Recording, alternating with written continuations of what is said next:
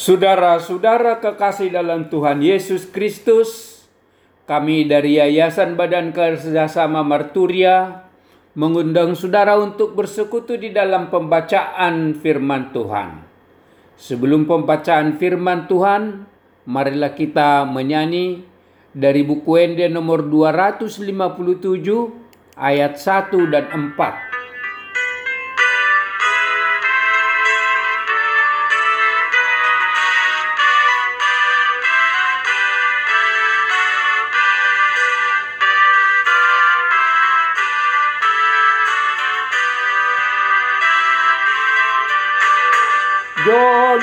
Jonok debatata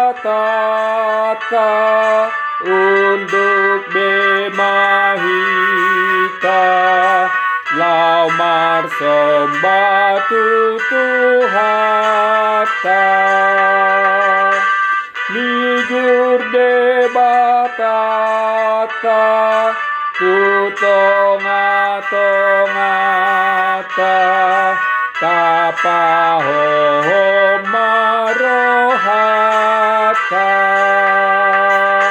Sombama debata di banua ginja nasohalopoan.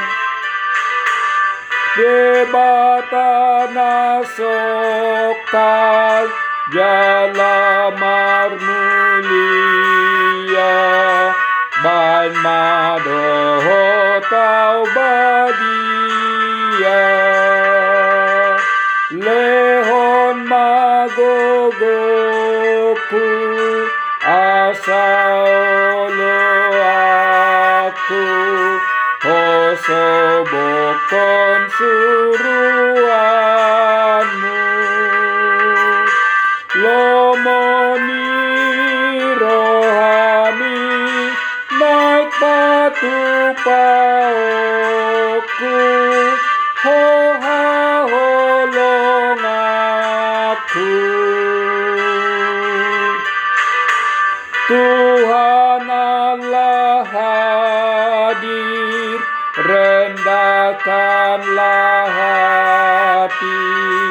Mari sujud dan memuji Datang dari surga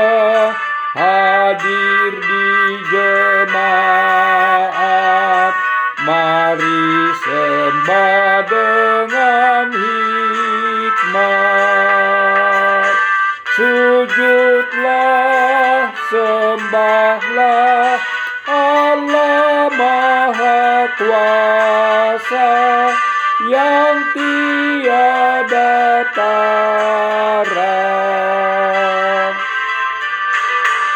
Allah Maha Agung yang Maha Mulia,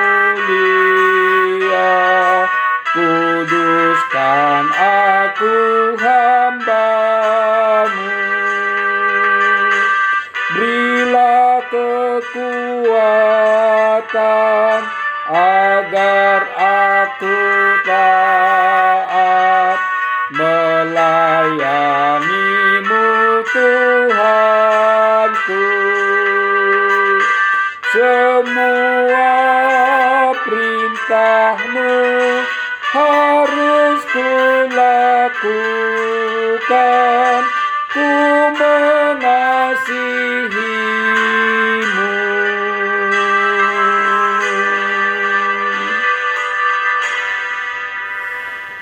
Saudara-saudara kekasih dalam Tuhan Yesus Kristus, pembacaan firman Tuhan pada pagi hari ini diambil dari Mazmur 40 ayat 9. Demikian firman Tuhan. Aku suka melakukan kehendakmu ya Allahku. Tauratmu ada dalam dadaku. Kita beri judul Suka melakukan kehendak Allah.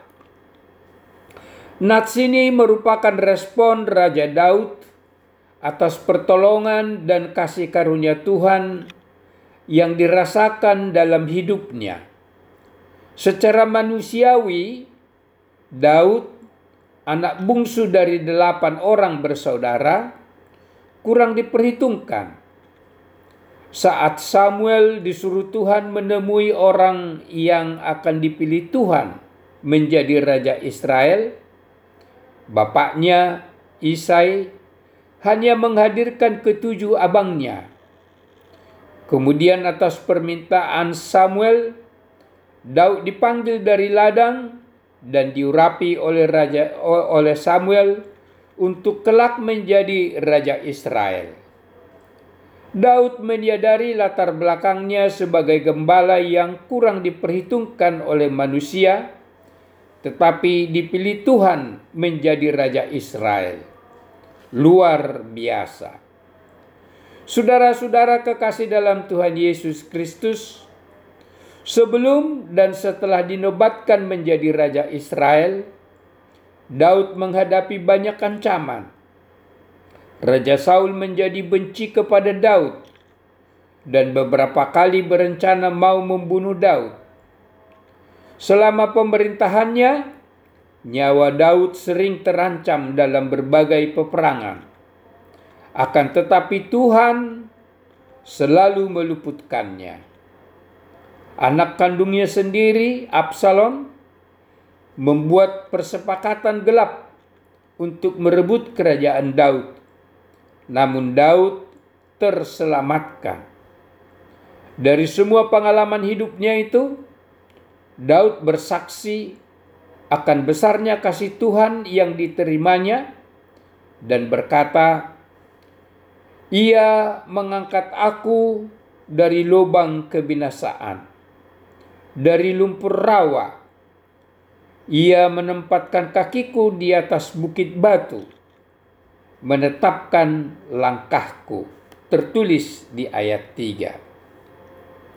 Saudara-saudara kekasih dalam Tuhan Yesus Kristus, kita juga pasti seperti Daud sering mengalami pertolongan Tuhan dan mengangkat status hidup kita menjadi terhormat dan diperhitungkan. Kasih karunia Tuhan Allah yang paling berharga yang kita terima adalah keselamatan kita dari kematian akibat kutuk dosa melalui pengorbanan Yesus, sehingga status kita terangkat menjadi anak-anak Allah, pewaris kerajaan surga.